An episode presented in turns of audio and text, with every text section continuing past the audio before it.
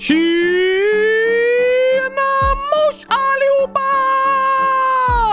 Hej på er! Äntligen är kylskåpsradion tillbaka med ett nytt avsnitt!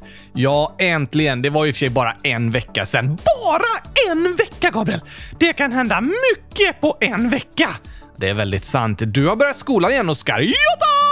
Har det gått bra? Absolut! Jag har börjat trean för eh, nionde gången och det känns bättre än någonsin. Härligt att höra. Jag är verkligen taggad på allt jag ska få lära mig i år, Gabriel. Men du har väl redan lärt dig det om du har gått i trean åtta gånger? Ja, jag har lärt mig det, men eh, glömt bort det. Okej, det är inte lätt att komma ihåg saker när man bara har bomull i hjärnan. Det ska du veta. Nej, det, det förstår jag. Men vad har du gjort de första dagarna i skolan då? Det har jag också glömt bort. Kommer du inte ihåg någonting? Ehm, jag har... eh, Just det! Jag har målat en teckning! Aha. Av ett kylskåp? Nej tack! Inte? Vad har du målat för teckning då? Det var Vincent.Gadda, 9 år, som skrev ett bra förslag i frågelådan om en teckning. Så den har jag målat! Oj, oj, oj. Får jag se? Jo tack! Här! Det var lite klurigt att plocka upp med munnen. Ja, jag kan hålla det i handen istället. Okej, det blir bra. Hmm, okej. Jag kallar teckningen för Ko som äter gräs. Ja, men, men alltså, var är gräset? Det har kon ätit upp. Okej, men var är kon då? Den gick när gräset tog slut. Aha, så nu är det bara ett eh, tomt papper kvar. Precis! Ko som äter gräs. Det var en eh, tokig teckning. Vad snällt sagt, Gabriel. Jag älskar nämligen tokiga saker. Det gör du verkligen. Som gurkarekord! Just det. Du har gett lyssnarna en utmaning att komma på tokiga rekord som har med gurkor att göra. Ja, tack! Tipset är att det ska vara ett så unikt rekord som möjligt, för då har antagligen ingen annan i hela världen gjort exakt samma sak. Precis. Om det är ett riktigt tokigt och klurifaktigt rekord så är du antagligen ensam i hela världen om att ha gjort det. Jag har till exempel slagit gurkavärldsrekord i att kasta en gurka bakåt mellan benen samtidigt som jag har ett cyklop på mig och nynnar på sången Back to skolan. Just det, du kastade från dörren till stolen långt. Otroligt långt, Oskar. Har lyssnarna slagit några gurkarekord då? Ja, vi har faktiskt fått in några inlägg i frågelådan om det. Oj, oj, oj, oj, oj! Läs upp dem, Gabriel! Här kommer de. Jona, 11 år, skriver Hej! Jag har slagit ett gurkarekord. Det är att jag har hållit i en gurka samtidigt som jag har gått runt i huset och hållit i en tekokare och luschampofodral. Va? Oj, oj, oj! Det var verkligen ett tokigt gurka-världsrekord! Jag tror inte att någon annan har gjort exakt det där. I alla fall inte runt i Jonas hus. Nej, precis.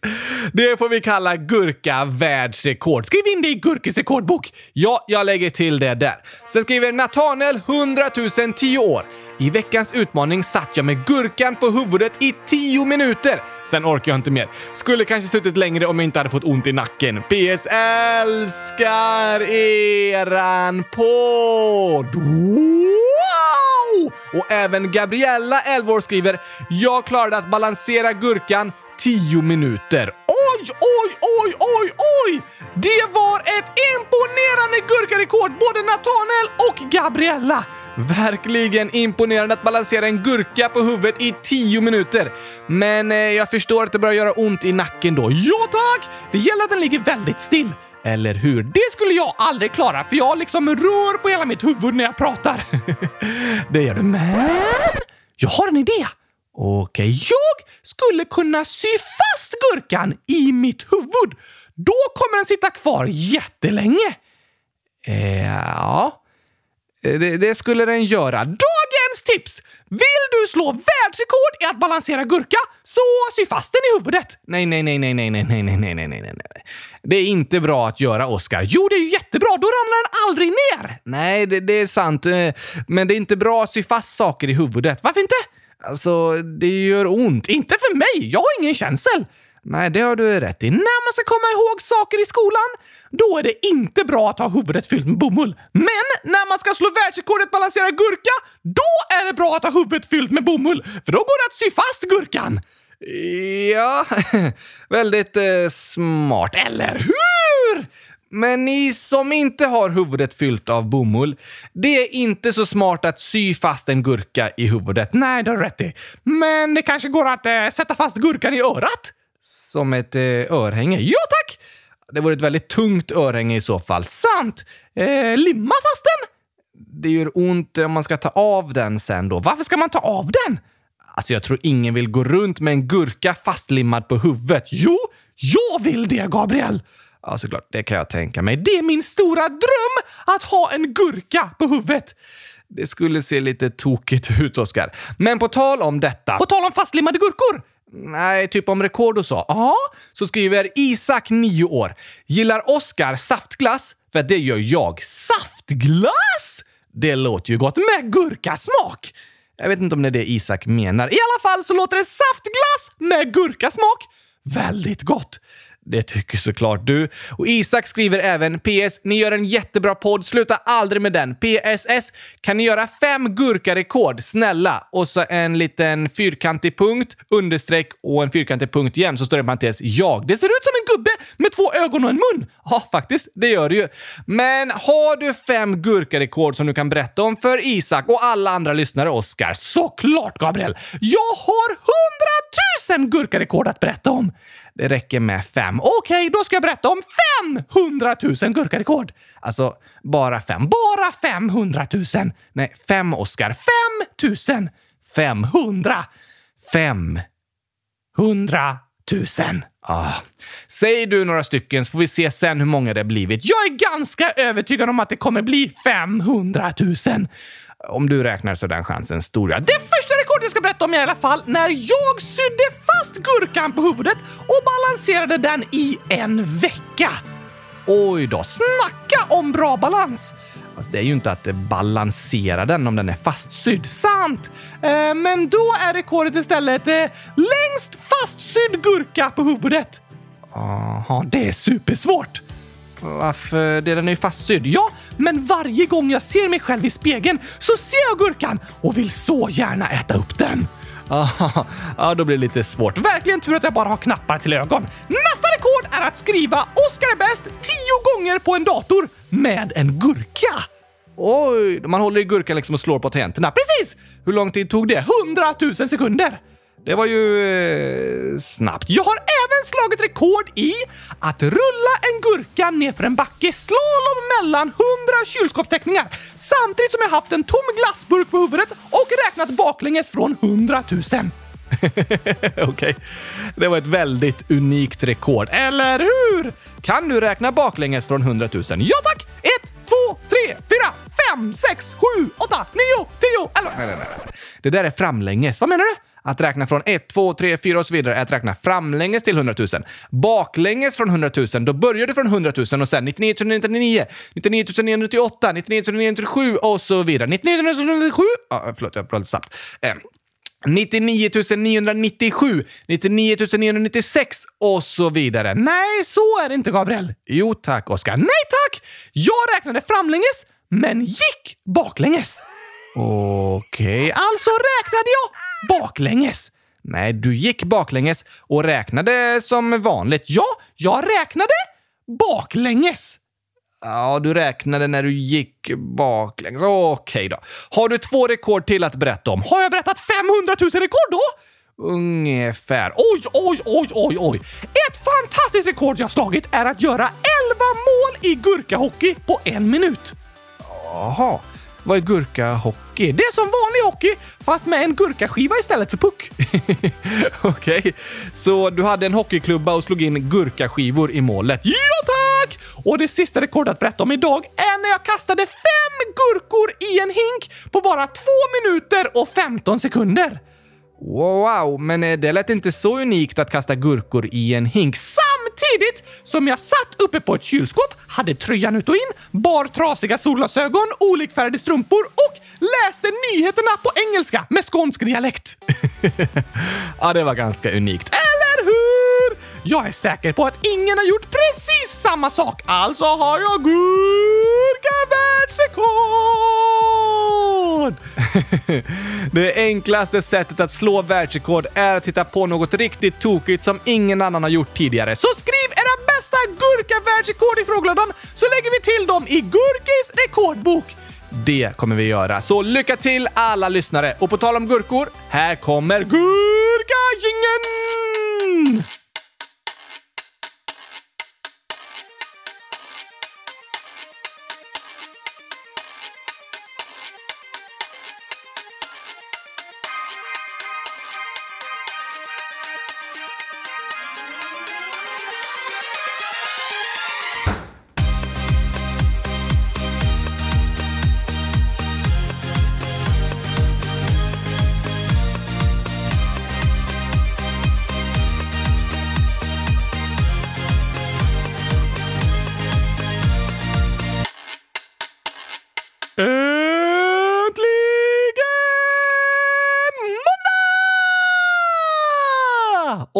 Äntligen dags för sommarens sista specialavsnitt med massor av gurkarekord! Det har vi pratat om nu, men vi ska även ha lite tillbakablickar med godbitar från tidigare avsnitt. Godbitar, alltså gurkor! Eh, ja, vi ska inte bara prata om gurkor, om annat också. Oh, Oh, det är roligt! Ja, jag håller med. Då får vi lite av det bästa från massor av olika program. Ja tack! Vad ska vi lyssna på idag då? Jo, kylskåpskungen, 100 000 år, egentligen 8 år, skriver “Kan ni ha avsnitt med bara länder?” Att vi bara ska prata om länder i varje avsnitt eller att vi ska ha ett helt avsnitt med bara länder? Jag vet inte riktigt, men jag tänker att vi har ju under året rest till massor av olika länder. Det är spännande! Superspännande. Så vi skulle kunna göra så att vi spelar upp ett lands sång och sen spelar vi upp något extra intressant, tokigt eller roligt så vi berättar om det landet i det avsnittet. Oj, oj, oj, oj, oj! Det låter bäst i test! Vad bra att du tycker det, Oskar. Sen innan vi avslutar dagens avsnitt har vi lite födelsedagshälsningar också att läsa upp. Det låter perfekt, Gabriel! Yes, de tar vi sen i slutet efter vi har lyssnat på de olika landsångerna och spännande klipp ur avsnitten. Vet du vilket land jag tycker att vi ska börja med? Jag tror jag vet vad du kommer att säga, Oskar. Mål! Såklart mitt favoritland! Just det. Här kommer sången om Mongoliet och ett kort klipp från det avsnittet. Sen lyssnar vi vidare på några till klipp från andra länder också. Nu drar vi ut på resa i fantasin! Det gör vi.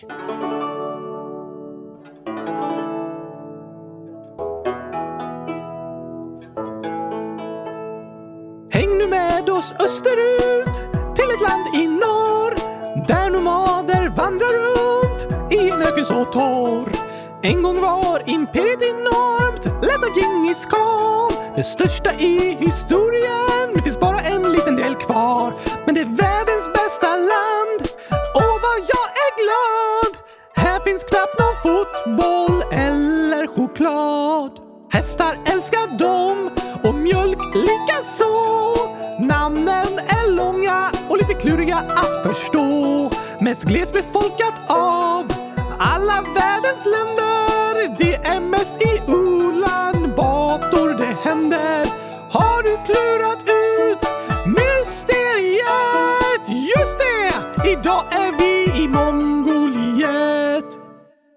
Ska vi berätta lite om Mongoliets historia nu då? En rolig historia? Ja, alltså, det är en ganska våldsam historia. Varför det? Jo, under 1200-talet så växte det mongoliska riket till det största sammanhängande imperiet genom alla tider. Det täckte Östeuropa och nästan hela Asien. Totalt 16 procent av jordens landyta och det ingick en fjärdedel av jordens befolkning i samma land! Ja, eller så, samma land, det är svårt att säga, men mongolerna styrde över hela imperiet, som man kallar det. Finns det något som har varit större efter det? Det brittiska imperiet täckte år 1938 22 procent av jordens landyta. Det brukar ses som det största någonsin. Och där ingick 20 procent, alltså en femtedel, av hela världens befolkning. Men allt det satt inte ihop. Nej, precis. Det var kolonier i olika delar av världen. Bland annat ingick tre av världens till ytan största länder, Kanada, Australien och Indien. Just det!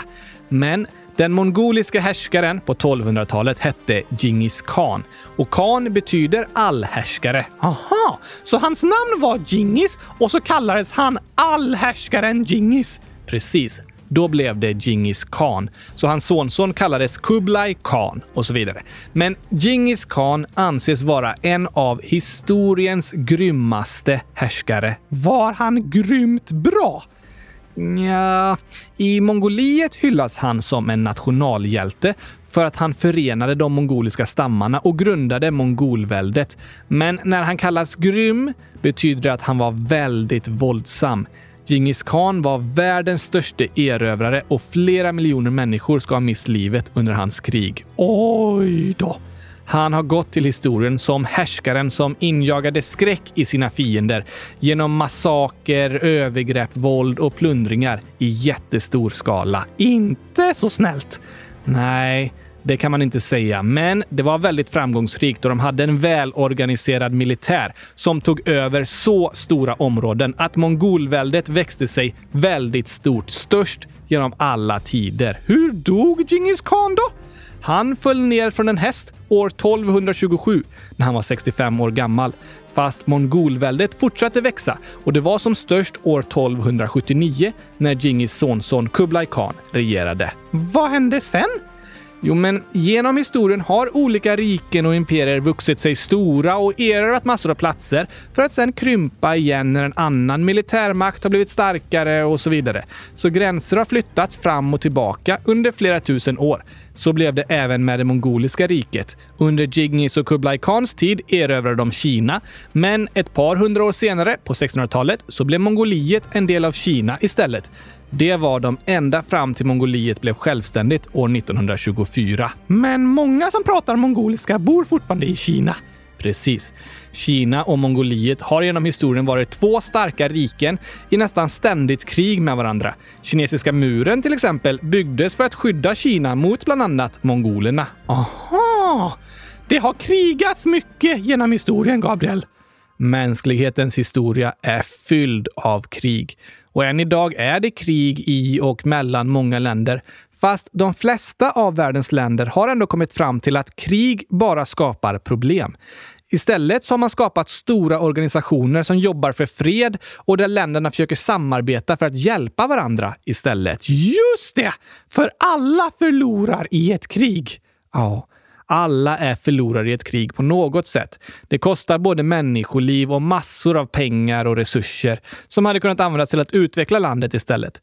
Men sedan mitten av 1900-talet, efter andra världskrigets slut, har det grundats många internationella organisationer som ska jobba för fred i världen och att världens länder ska samarbeta istället för att slåss mot varandra. Som eh, FN och EU. Precis. Det är inte lätt att samarbeta och komma överens. Man håller inte med varandra och tycker att någon annan tjänar mer på samarbetet och så vidare. Och det är problematiskt, men det är ändå bättre än ett världskrig. Eller hur? Och så är det för oss alla människor. Det är inte alltid lätt att samarbeta och komma överens, men det är ändå bättre än att bråka och förstöra för varandra. Då är alla förlorare på något sätt och blir ledsna. Just det.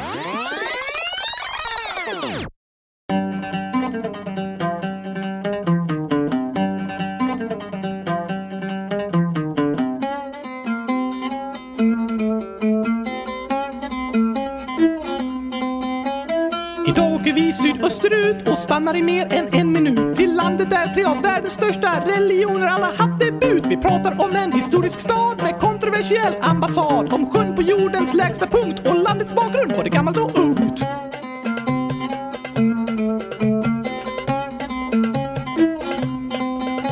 Om Abraham och Davids stjärnor, diamanter smarta hjärnor, FN-beslut och gränskonflikter, Tanak med hebreiska dikter. Vill du gå på museum om jordens bågar, bada utan fiskar som plågar, äta en god falafel, så häng du med till Israel.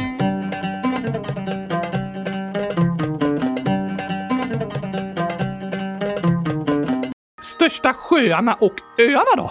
Det finns ett par ganska små öar utanför Israels kust. Landet ligger ju vid havet. Vilket hav? Medelhavet längst österut. Så längst till vänster på Medelhavet finns Spanien och längst bort till höger ligger Israel. Helt rätt, Oskar.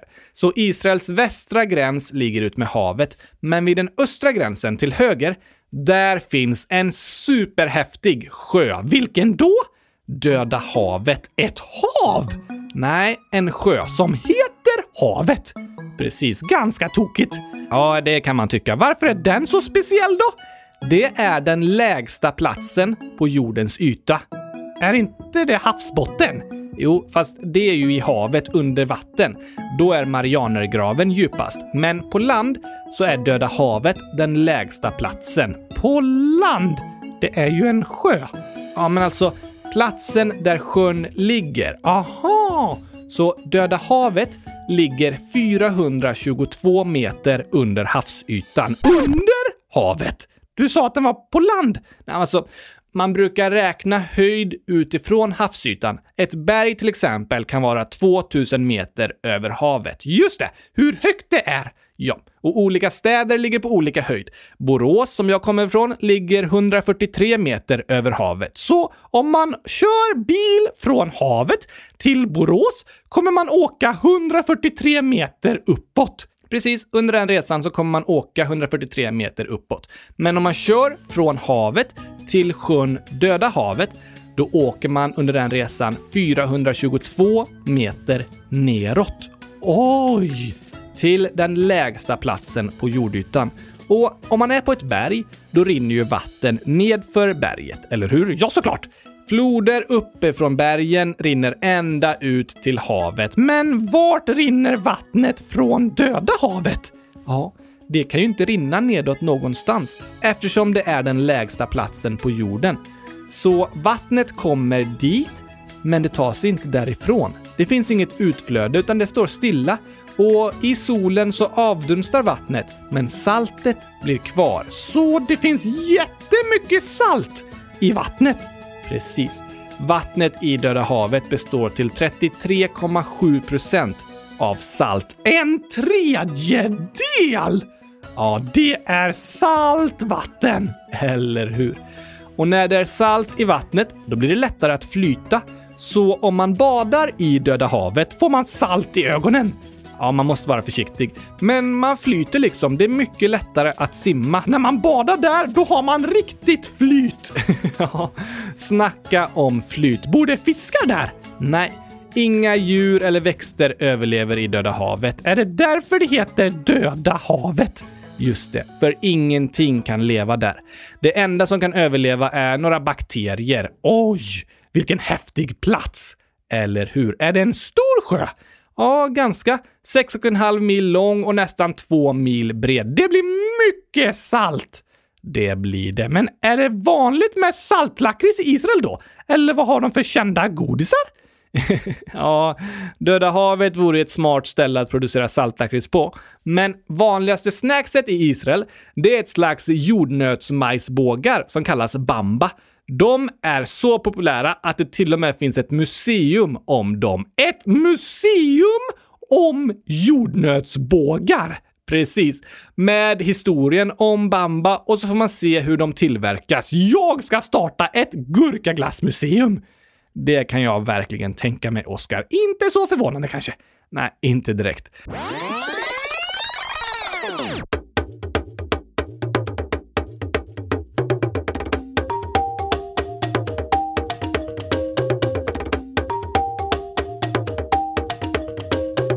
Dags att packa väskorna och hänga med på färden till landet med flest människor i Afrika, ja sjunde flest i världen. Största stad på kontinenten de också har och över 500 språk finns där fortfarande kvar.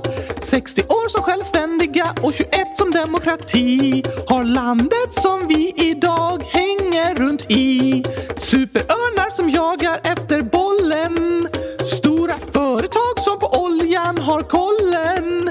Massa kakao är inget vi behöver prata om. Men om EBA är det roligare att sjunga en sång. Stor matkultur och slumområden byggda på vatten. Har landet som knappt har någon kvar av farliga katten. Flaggan den är grön och vit. Tjadsjön räcker inte längre hit. Smelly fans som är leriga finns det i landet Nigeria. På tal om Afrika så hände en rolig sak i skolan i veckan, Gabriel. Okej, fröken frågade, kan någon säga tio djur som bor i Afrika? Aha. Um, ja, men det kan jag nog komma på. Vilka sa du? Nio lejon och en elefant. Ja, jag tror din fröken menade tio djurarter. Fast jag sa ju tio djur. Ja, det gjorde du. Finns det lejon i Nigeria? Ja, det har funnits väldigt många lejon, särskilt i norra Nigeria. Men nu beräknas det att det bara finns runt 30 till 15 lejon kvar. Och de bor i två små områden. Oj då! Elefanter då? Det finns också. Vet du vad en elefant som kan flyga kallas? Um, nej. Propellerfant! ja, den var rolig. Finns det sådana elefanter i Nigeria? Inte flygande elefanter. Propellerfanter. Uh, just det, men uh, vanliga elefanter finns det där. Okej, okay, brukar de cykla? Nej, nej, det tror jag inte. Men vet du vad man kallar två elefanter på en cykel? Två på en? Cykelfanter? Nej tack! Optimister ja. Om två elefanter försöker få plats på en cykel, då är de verkligen optimister. De tror att allt är möjligt. Ja, personer som gör det kallas optimister. Men vet du varför elefanter målar sina naglar röda? Va? Nej, nej, det gör de väl inte? Jo tack! Och det är för att de inte ska synas när de gömmer sig i körsbärsträdet. Nej, Oskar. Jag har aldrig sett en elefant i ett körsbärsträd. Har du inte? Då funkar det ju! ja, de är välkamouflerade i så fall. Men vet du varför elefanter inte bryr sig om eh, politik? Eh, för att de är djur? Nej, för de tycker det är irrelevant. Irrelevant menar du? Nej, irrelevant! Irrelevant betyder att något liksom inte spelar någon roll. Man bryr sig inte om det. Det är betydelselöst. Som att eh, ens hudfärg inte ska påverka vad man får för betyg. Precis. Ens hudfärg ska vara irrelevant för vilket betyg man får. Det ska inte spela någon roll. Om den gör det så är det diskriminering. Ja tack! Och vilket betyg elefanterna får är irrelevant. Irrelevant, just det. Men vet du hur elefanterna pratar med varandra? Nej, hur gör de det? I elefonen. ja. Okej, okay. och ett sista skämt på engelska. Oj då. Vad kallas en elefant som aldrig duschar? Oh, den är väl smutsig? På engelska sa jag! Aha, dirty? Nej, smellyfant! Smellyfant. Ja. Smelly betyder att den luktar och elefant betyder ju elefant. Så om elefanterna aldrig duschar blir de smellyfants. Just det. Det var roliga elefantskämt, Oskar. Ja!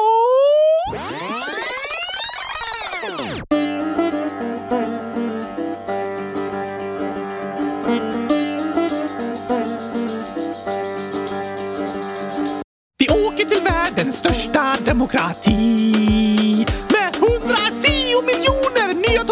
bajsa i. Vi käkar curry gjord av lögnaren gurkmeja och får se till att med bilen inga kossor preja.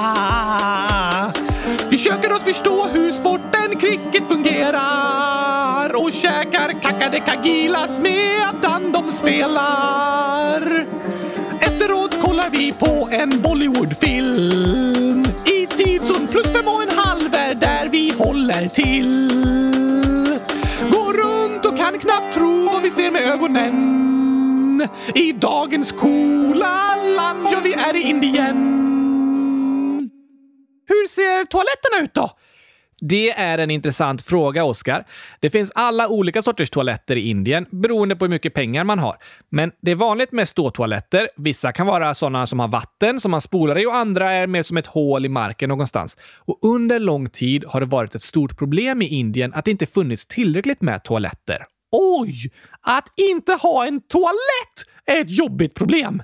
Ja, och att ha fungerande toaletter är superviktigt för att inte sjukdomar ska spridas eller att dricksvatten förorenas. Just det! Så 2014 startade regeringen en stor toalettkampanj där de under fem år byggde 110 miljoner toaletter. What? Det är många toaletter! Verkligen. 600 miljoner människor fick tillgång till en toalett och 2019 sa premiärministern att människor i Indien inte längre behöver bajsa ute i naturen. Oj! Att bygga 110 miljoner toaletter på fem år, det är skitbra jobbat. ja, det kan man kalla det. Problemet är inte helt löst än, men det har blivit mycket, mycket bättre och antagligen räddar det livet på hundratusentals människor varje år i Indien för att den ökade renligheten hindrar olika diarrésjukdomar från att spridas. Bra jobbat! Verkligen. Och i måndags då pratade vi om vatten och hur viktigt det är och det är något de kämpar mycket för att förbättra även i Indien.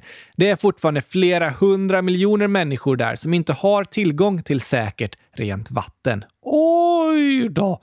Vatten och toaletter är lätt att ta för givet. Ja, men att ha rent vatten och bra toaletter är verkligen helt fantastiskt. Det är något att vara tacksamma för. Jo tack!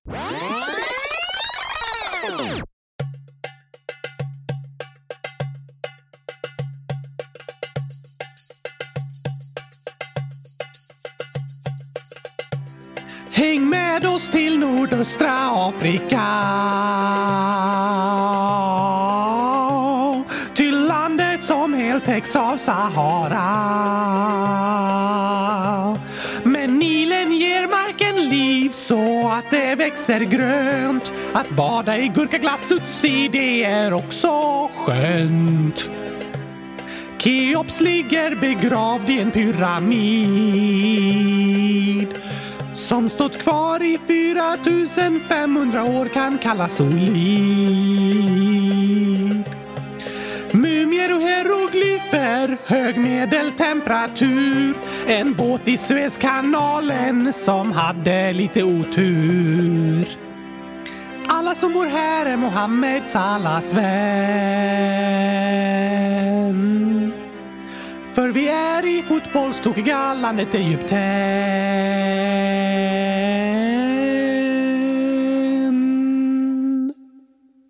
Jag trodde de pratade egyptiska i Egypten. Nej, egyptiska är ett språk som det talades i det forna Egypten, men det finns inte kvar idag. Okej! Forntida Egypten var en väldigt tidig och framgångsrik civilisation som uppstod för ungefär 5000 år sedan. Pratade de egyptiska? Ja, och skrev i hieroglyfer. Hier... Eh, vadå? Hieroglyfer. Det är en slags skrift med bilder. Ah, det har jag sett! Ja, det ser superhäftigt ut. Det fanns ungefär 800 olika tecken som uttryckte ord, bokstäver eller bokstavskombinationer. Det ser ut som målningar tycker jag. Ja, hieroglyfer är liksom små målade bilder och egyptierna var väldigt tidiga med att utveckla en modern civilisation med ett skriftspråk och en väldigt utvecklad byggnadskonst. De byggde pyramider! Ja, det är nog det Egypten är mest känd för idag. Vad är en pyramid för något egentligen? Pyramiderna i Egypten är gravplatser till faraonerna. Till faror? Är det mumierna som är farliga? Nej, farao. Vem är det? Farao hette den som var liksom kung i Egypten. Aha! Om ni som lyssnar hört olika berättelser från Bibeln så kanske ni känner igen ordet farao. Fanns det forntida Egypten på Bibelns tid? Ja, det gjorde det. Forna Egypten fanns från ungefär 3000 år före Kristus till 300 år före Kristus, samtidigt som historierna i Gamla testamentet i Bibeln utspelar sig. Coolt! Det är det faktiskt. En stor del av Gamla testamentet i Bibeln handlar om hur Israels folk var i fångenskap i Egypten. Satt de fast i en pyramid? Nej, de var fast som slavar liksom. Oj då! Och byggde pyramider? Ja, kanske det. Det var många slavar i forna Egypten som kämpade under fruktansvärda förhållanden när de byggde pyramiderna. Det är inte tillåtet! Nej, idag är sånt förbjudet. Men även idag finns det människor som utnyttjas och tvingas arbeta under dåliga förhållanden. Slavarbete sker inte lika öppet som i till exempel forna Egypten, men det är även idag viktigt att uppmärksamma att det finns människor som utnyttjas i arbete utan bra säkerhet, rättigheter och med alldeles för låg lön. Det är hemskt! Väldigt hemskt. Kylskåpsradion är ju en del av Frälsningsarmén och ett viktigt arbete som Frälsningsarmén jobbar med i Sverige och i andra länder är att hjälpa människor som blir utsatta i sådana situationer. Hur då? Bland annat genom att utbilda företag och organisationer om hur de kan motverka att människor får arbete under dåliga förhållanden och att hjälpa människor som har blivit utsatta. Vad bra! Ja, det är ett viktigt arbete. Det är väldigt viktigt att vi respekterar människors rättigheter och att alla människor behandlas lika så att inte makt missbrukas och människor utnyttjas. Nej tack! Var det inte så i forna Egypten? Nej, genom hela mänsklighetens historia har det varit vanligt med slavar och slavhandel. Det är först de senaste hundra åren som det blivit olika förbud mot det och som man börjat prata om mänskliga rättigheter som är lika för alla. Så det blir bättre! Det har blivit mycket bättre, men det är fortfarande inte bra. Det finns fortfarande människor som är utsatta och utnyttjas på olika hemska sätt. Därför är det viktigt att vi fortsätter kämpa för och stå upp för alla människors lika värde. Ja, tack! Men som jag sa, forna Egypten fanns samtidigt som historierna i Gamla Testamentet i Bibeln utspelar sig. Och där står det om Israels folk som lämnade Egypten och tog sig till det som idag är landet Israel. Ligger det nära Egypten? Ja, Israel och Egypten är grannländer. Aha! Det är spännande att lära sig om forna Egypten, tycker jag och många andra. Särskilt eftersom så mycket av det som byggdes och gjordes då finns bevarat än idag. Vi kan se de stora pyramiderna och andra gravplatser med mumier av faraonerna har också upptäckts. Så pyramiden var en plats där kungen farao skulle begravas? Ja, så var det och det är otroliga byggnadsverk. De största pyramiderna ligger i Giza i Egypten och är namngivna efter faraonerna Keops, Chefren och Menkaura. När byggdes de? För ungefär 4500 år sedan. Har de stått i öknen så länge? Ja, det var bra byggda sandslott. Mina brukar inte hålla mer än ett par timmar ungefär. Oskar, pyramiderna är inte byggda av sand. Det ser ut så. Ja, nästan. Men pyramiderna är byggda av stora stenblock. Det är därför de kunnat stå kvar i flera tusen år. Den största och den äldsta pyramiden är Keopspyramiden. Den är 138 meter hög. What? 138 meter? Ja. När den byggdes var den hela 146,7 meter hög och den var världens högsta byggnad i 3800 år fram tills en hög katedral byggdes i England på 1300-talet. Det finns en lista över byggnadsverk som kallas antikens sju underverk och Keopspyramiden var den första av dem som byggdes och den enda som fortfarande finns kvar. Så äh, den är ganska hållbart byggd kan man säga. Ja, det kan man göra. Hur byggs en pyramid egentligen? Jo, den är byggd av stora stenar som liksom läggs på varandra. Keopspyramiden hade från början 215 lager av sten som var lagda på varandra, men idag har den förlorat 15 sådana lager och det är totalt 9 meters höjd då som har försvunnit. Okej, okay. 15 lager på 4500 år. Ändå okej okay att förlora. ja, eller hur? Det är fortfarande en väldigt hållbar konstruktion. Totalt beräknas det att pyramiden består av ungefär 2,3 miljoner stenblock som vart och ett väger ungefär 2,5 ton. Oj då! Det är mycket sten. Det är det. Och den är byggd med fantastiska exakta beräkningar. Går det att gå in i pyramiden? Ja. Inne i pyramiden finns några små tunnlar som leder fram till ett par olika rum, till exempel konungens kammare och drottningens kammare. Aha! Pyramiderna i Giza är ett väldigt populärt turistmål.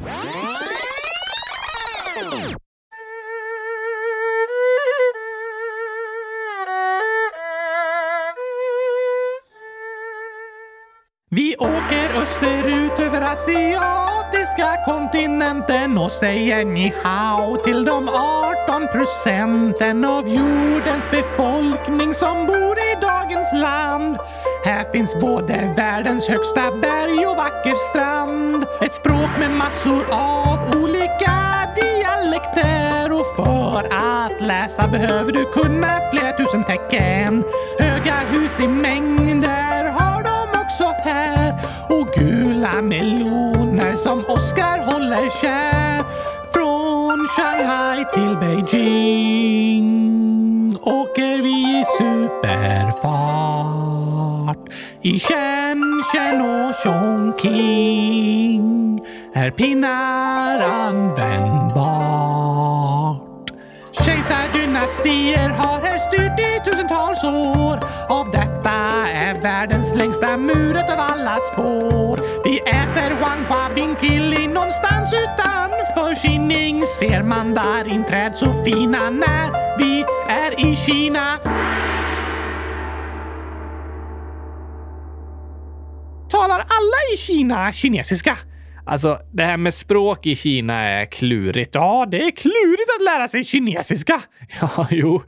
Men Kina är ju ett så jättestort land. Det bor dubbelt så många människor där som i hela Europa. Precis. Därför pratar inte alla kinesiska på samma sätt. För det första så är det ungefär 90 procent av alla i Kina som talar det vi brukar kalla kinesiska. 10 procent talar något annat minoritetsspråk, till exempel tibetanska. Okej, okay.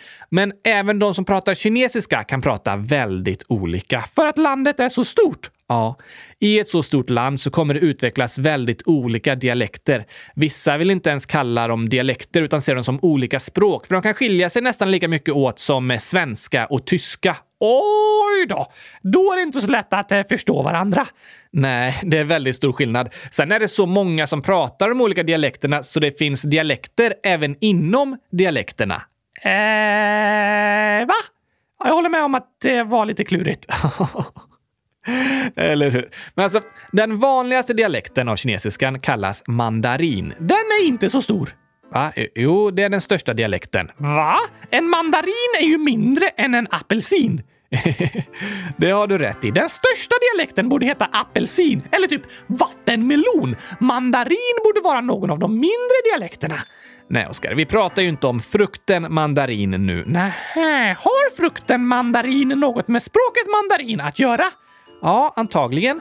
Mandariner är ett samlingsnamn för små citrusfrukter. Till exempel är clementin en slags mandarin. Men eh, vad har det med Kina att göra?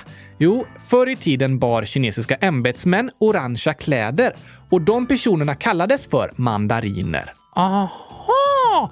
Och därför fick de orangea små frukterna namnet mandariner? Ja, antagligen. Kommer mandariner från Kina? Alltså frukten? De är vanliga där. Jag hittade en siffra som sa att av alla mandariner som odlades år 2017, hur många var det? 33 miljoner ton. Oj då, ganska många. Ja, och av dem så odlades 54 procent, alltså över hälften, i Kina. Okej, så frukten mandariner, ämbetsmän som kallas mandariner och människor som pratar mandarin är vanligt i Kina. Bra sammanfattat. Om vi till exempel studerar kinesiska i skolan i Sverige så är det oftast dialekten mandarin. Den brukar kallas standardkinesiska. Men sen finns det massa olika sorters dialekter av mandarin också eftersom det pratas om nästan en miljard människor. Det förstår jag då. Men kinesiska tecken, är de också olika? Nej, det kinesiska skriftspråket är samma för olika dialekter, så tecknen har hjälpt till att ena landet liksom. De förstår varandra när de skriver, men inte när de pratar. Så kan det vara för kineser som pratar väldigt olika dialekter, ja. Har kinesiska tecken funnits länge? Ja, i nästan 4000 år. Och de har förändrats väldigt lite. Även texter som är 2000 år gamla kan förstås ganska bra av kineser idag. Va? Jag kan inte ens förstå svenska från 100 år sedan! Nej, det svenska språket har förändrats mycket. För 2000 år sedan skrevs det med runor i Sverige och de förstår vi inte alls idag. Kinesiska tecknen har inte förändrats lika mycket. Men på 50-talet förenklades många tecken för att det skulle bli lättare för invånarna i Kina att lära sig läsa och skriva. Det är viktigt! Det är väldigt viktigt. Därför finns det idag en skillnad mellan traditionella kinesiska tecken och förenklade kinesiska tecken. Aha! Är det som i svenska alfabetet där ett tecken är ett ljud?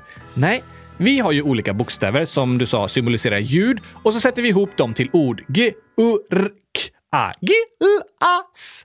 Precis. Men på kinesiska kan ett ord motsvaras av ett tecken, som eh, katt eller gul eller gärna, elak, skoj, ålder, varm, öppen. Har de ett tecken var? Ja, så om man ska skriva elak, varm, gul katt så blir det fyra tecken.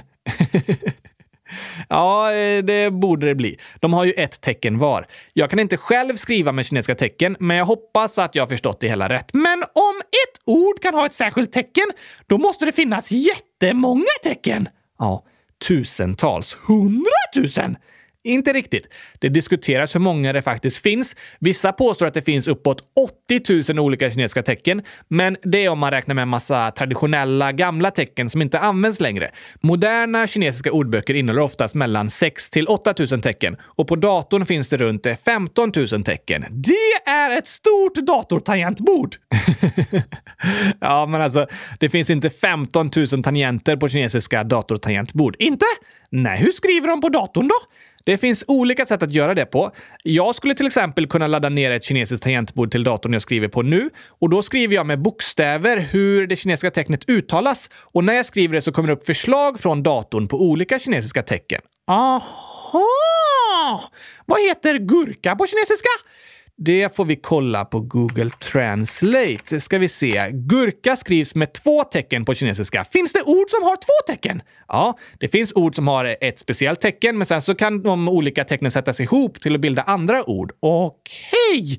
Vad betyder de två tecknen som blir gurka då? Eh, vi kan kolla dem ett och ett. Det första tecknet, om det står för sig självt, betyder gul. Och det andra tecknet betyder melon. Gul melon! ja, de två tecknen för gul och melon tillsammans blir gurka. Hur uttalas det? Eh, ja, det är inte jag så bra på, men det uttalas ungefär huanghua. Huang är gul och hua är melon. Helt riktigt. Men eh, Huanghua är gurka. Och om jag då vill skriva det med mitt datortangentbord, då så skriver jag H-U-A-N-G, Huang, och så kommer datorn med liksom flera olika förslag på vilket tecken jag vill använda. Och då trycker jag på förslag nummer ett, Huang. Och sen skriver jag Gua, G-U-A, och då kommer nya förslag på tecken upp. Aha! Det finns särskilda kinesiska tangentbord också.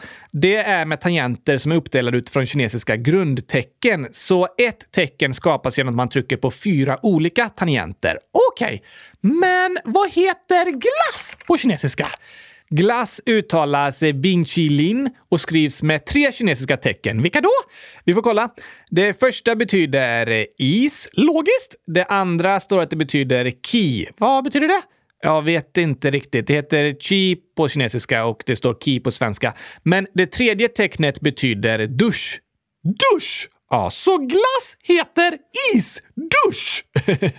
ja, enligt Google Translate. Åh, det låter fantastiskt att duscha i glass! Eller hur, Oskar? Så gurkaglass heter på kinesiska Wanghua Binchilin. Precis, och det betyder gul melonisdusch. Nej, alltså det betyder ju gurkaglass. De två första tecknen betyder gurka när de står tillsammans och de tre tecknen därefter betyder glass. Och i det andra ordet så är ju ki med också för att det inte ska bli isdusch. Men var för sig så blir tecknen gul melon is ki dusch. Gul melon! Jag älskar kinesiska. Det är spännande att resa, Gabriel. Eller hur? Även om vi inte reser på riktigt mellan olika länder här i podden så kan det vara spännande att lära sig om hur människor lever och har det på andra platser på jorden. Att höra berättelser om andra länder är också ett sätt att resa. Ja tack! Superspännande sommarspecialavsnitt! Det tycker jag också. Men nästa måndag, då är vi tillbaka med ett nytt avsnitt i avsnittsordningen igen. Woho! Då drar hösten igång på riktigt! Eller hur? Även här i podden. Och jag har tänkt att vi börjar med ett frågeavsnitt. Det finns så många frågor att läsa upp, så det passar bra tycker jag. Det gör det. Innan vi avslutar för idag ska vi dock läsa upp några födelsedagshälsningar. Just det! Eftersom vi haft lite förinspelade program senaste veckorna blir många av hälsningarna i efterskott och någon i förskott. Vi säger lika mycket grattis till alla! Såklart gör vi det. Först är det från Edvin, 9 år, som skriver “Jag fyller 10 år på måndag. Kan ni gratta mig då? PS. Älskar eran podd. DS och förresten, såg ni när Duplantis vann stavhoppsguld? Jag blev väldigt glad när han vann. Hej då! När fyllde Edvin år? Den 9 augusti. Oj, oj, oj! gratis i efterskott Edvin! Stort grattis! Hoppas du hade en superduper bra födelsedag med massor av gurkaglass. Eller något annat gott. Vann du Plantis guld i OS? Nej, OS. Precis! Oscarspelen! Inte de eh, Oscar. Olympiska spelen. Aha! Och ja, Edvin, jag såg i alla fall när han vann guld och det var otroligt bra jobbat. I OS så ska man hoppa stavhopp med en gurka. Eh, såklart. Nästa hälsning är till Natanel. snart 11 år, som skriver “Jag fyller 11 år den 14 augusti. PS. Älskar eran podd. DS. Grattis i efterskott på 11-årsdagen Nathanael! Hoppas din födelsedag var bäst i test och att du fick ha det riktigt bra och skratta tillsammans med vänner och familj. Ja, tack! Jona, 11 år, skriver “Hej kylskåpsradion! Jag fyllde år igår, 7 augusti. Oj! Grattis i efterskott Jona! Ja, massor av grattis till dig också. Hoppas du slog 100 000 gurkarekord på födelsedagen. Kanske det. Till exempel världens högsta gurkatårta. Undrar hur hög den är? 100 000 meter? Nej, det tror jag inte. 100 000 mikrometer då? Ja, 100 000 mikrometer är ju 10 centimeter. Så det känns rimligt. Vilken fantastisk födelsedagstårta det låter som! det gör det. Sista hälsningen är skriven av Isak, 9 år, som skriver “Min bror Anton fyller 8 år den 26 augusti. Han älskar kylskåpsradion. Kan ni gratta honom?” Såklart vi kan det! Grattis i förskott på 8-årsdagen Anton! Stort, stort gurka-grattis! Gurka-grattis. Ja tack! Vad är det? Det kan vi sjunga till alla som har fyllt år. Så sjunger man så här. Ja må de få äta gurkor, ja må de få äta gurkor, ja må de få äta gurkor, ja de hundratusen får! det var ett fint gurka-grattis. Eller hur? Det önskar vi alla som fyller år. Verkligen. Hoppas du får en bra dag på fredag, Anton. Och vi önskar alla lyssnare världens bästa vecka! Det gör vi. Ha det superbra tills nästa måndag. Då hörs vi igen och svarar på 100 000 frågor. Kanske inte riktigt. Jag ska räkna och jag är ganska säker på att det kommer bli 100 000 stycken. Mycket möjligt då. Ha en superduperbra vecka tillbaka i skolan. Kom ihåg att du är bäst i test, precis så som du är. Det är verkligen något viktigt att komma ihåg. Vi tycker så mycket om dig och vi hörs om en vecka igen. Tack och hej! Gurkapastej! Hej då!